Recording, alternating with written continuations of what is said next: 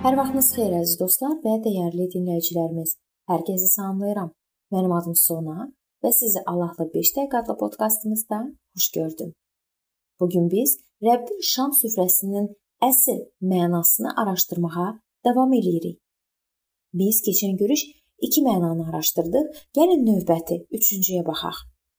Rəbbin şam süfrəsi bizə İsa Məsihin axıdılan qanını xatırladır.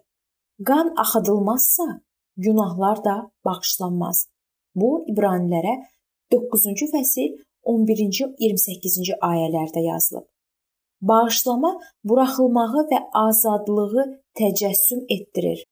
Keçmişimizdə olan heç nə və heç bir var dövlət bizi günahlardan azad edə bilməz.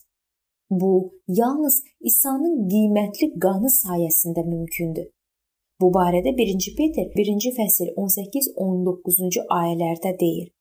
Ata-babalarınızdan irs olaraq aldığınız puc həyat tərzindən qızıl ya gümüş kimi fani şeylərlə deyil, qüsursuz və ləkəsiz quzuya bənzəyən Məsihin qiymətli qanı bahasına satın almısınız. Lakin təkcə axıdılan qan kifayət etmirdi. Onun tətbiqi də olmalı idi. Əgər Yahudi ailəsi öz evinin qapısına quzunun qanını çəkməsəydi, quzunun ölümü onlar üçün faydasız olardı. Bu barədə siz Çıxış kitabı 12-ci fəsil 7, 11, 13 və 21, 28-ci ayələrdə tapa bilərsiniz. Həyatımızda İsa'nın qanının istifadəsi imanla və inamla baş verir şirnikləndirici şeylərlə qarşılaşan zaman xilasa olan möhkəm ümidimiz sarsılanda biz İsa Məsihin qanına üz tuturuq.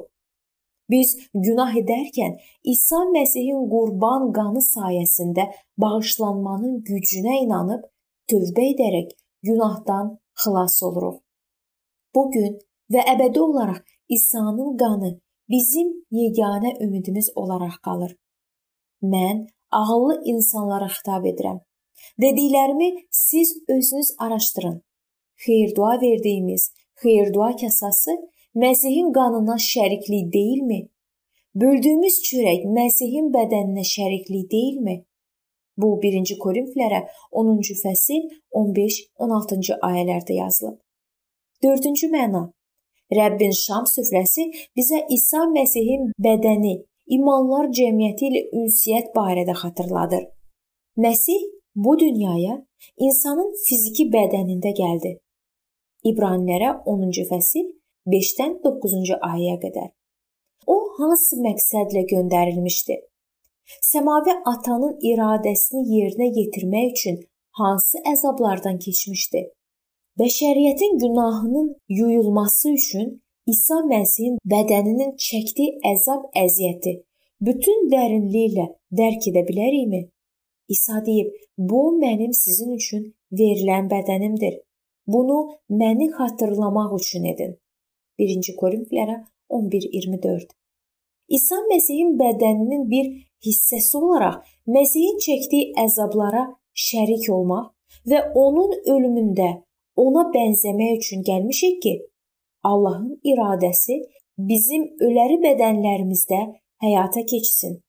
Rəbbin şam süfrəsi təkcə İsa'nın bizim üçün etdiklərini xatırlatmır, həm də onunla bir olmaq üçün ödəyəcəyimiz dəyəri xatırladır. İsa'nın ölümünü bədənimizdə həmişə daşıyırıq ki, onun həyatı bədənimizdə aydın görünsün. Çünki İsa'nın həyatı fani cismimizdə aydın görünsün deyə biz yaşaya-yaşaya İsa üçün həmişə ölümə təslim edilirik. Bu fikir 2-ci Korinflərə 4-cü fəsil 10-11-ci ayələrdə yazılıb. Şam süfrəsinin növbəti bir neçə mənasını da biz digər görüşümüzdə araşdıracağıq.